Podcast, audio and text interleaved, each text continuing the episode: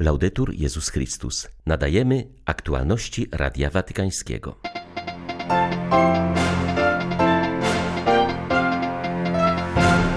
Wróćmy do chwil, w których Bóg wkroczył w nasze życie, zachęcał papież na audiencji środowej. Polakom życzył, by wakacje były czasem odkrywania Boga. Watykański sekretarz stanu wezwał niemieckich katolików do jedności z papieżem i Kościołem powszechnym.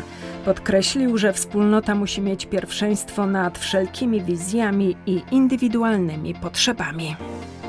We Francji weszła w życie kontrowersyjna ustawa bioetyczna. Sprawia, że zwierzęta są lepiej chronione niż ludzki embrion.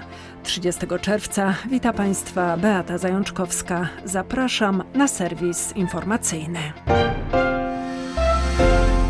Nie wolno nam nigdy zapomnieć czasu i sposobu, w jaki Bóg wkroczył w nasze życie, mówił papież do pielgrzymów przybyłych na audiencję środową.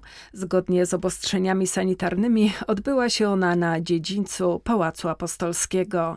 Kolejny tydzień z rzędu Franciszek komentował list do Galatów.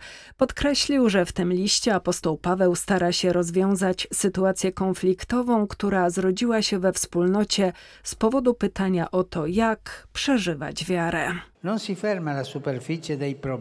Nie zatrzymuje się na powierzchni problemów, do czego często bywamy kuszeni, by znaleźć natychmiast rozwiązanie, które łudzi nas, że wszyscy możemy osiągnąć porozumienie na drodze kompromisu.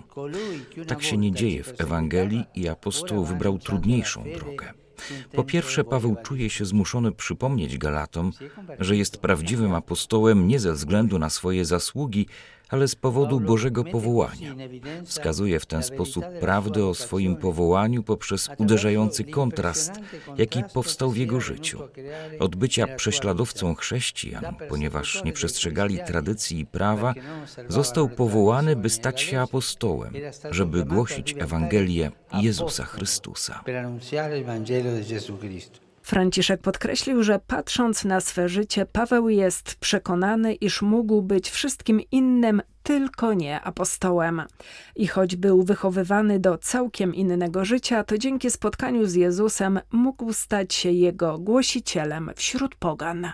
Lo tocchiamo con mano ogni giorno. Doświadczamy tego namacalnie każdego dnia, ale szczególnie wówczas, gdy wracamy myślami do chwil, w których Pan nas powołał. Nie wolno nam nigdy zapomnieć czasu i sposobu, w jaki Bóg wkroczył w nasze życie.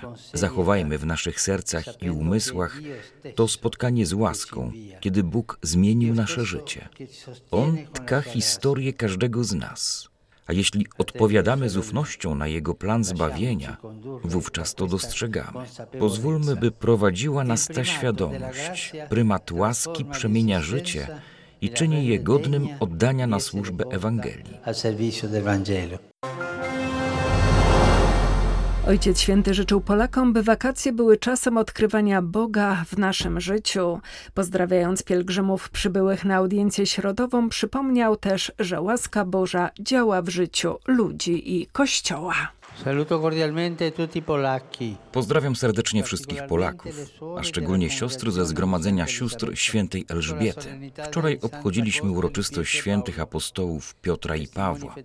Jako wierni aż do śmierci świadkowie Ewangelii są oni wymownym przykładem tego, jak łaska Boża może działać w życiu ludzkim i w dziejach Kościoła.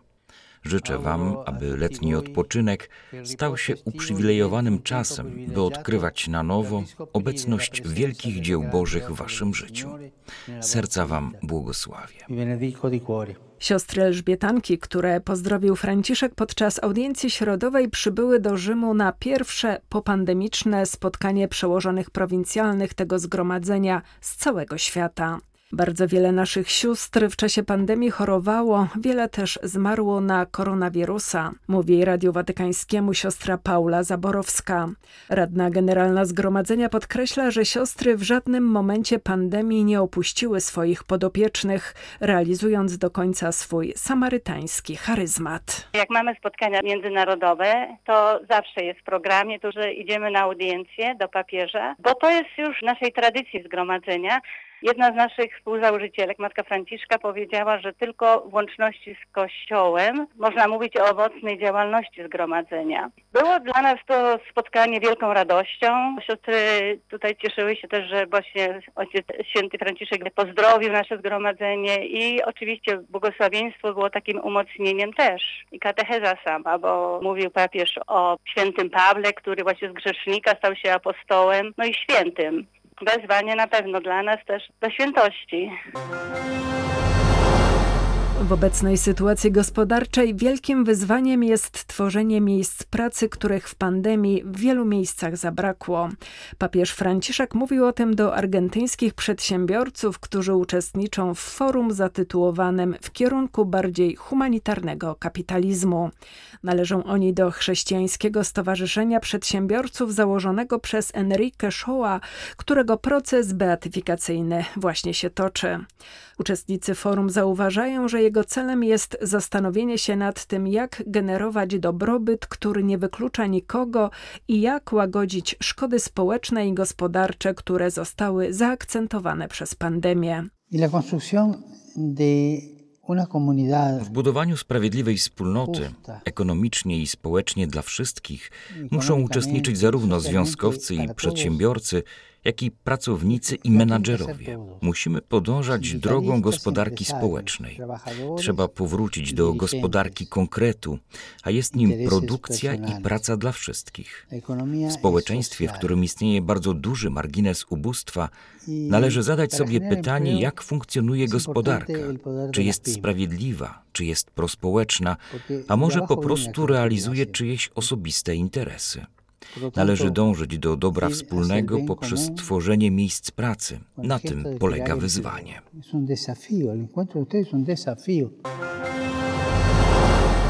Ojciec Święty zachęca chrześcijan, by byli architektami dialogu i przyjaźni.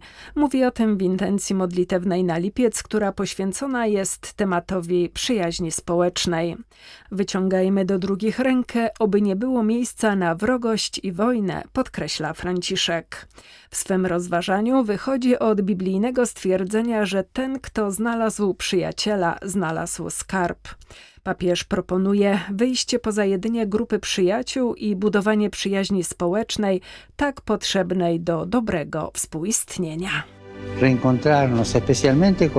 Spotkać się ponownie, zwłaszcza z najuboższymi, najbardziej bezbronnymi z tymi, którzy znajdują się na peryferiach, nabrać dystansu do populizmów, które wykorzystują udrękę ludzi, nie dając rozwiązań, proponując mrzonki, które niczego nie poprawią uciekać przed wrogością społeczną, która tylko niszczy i wyjść z podziałów. Dialog jest drogą do nowego spojrzenia na rzeczywistość, do przeżywania z pasją wyzwań związanych z budowaniem dobra wspólnego. Módlmy się, abyśmy w sytuacjach społecznych, gospodarczych, politycznych i konfliktowych byli architektami dialogu, architektami przyjaźni, ludźmi odważnymi i pełnymi pasji, którzy zawsze wyciągają rękę i aby nie było miejsca na wrogość i wojnę.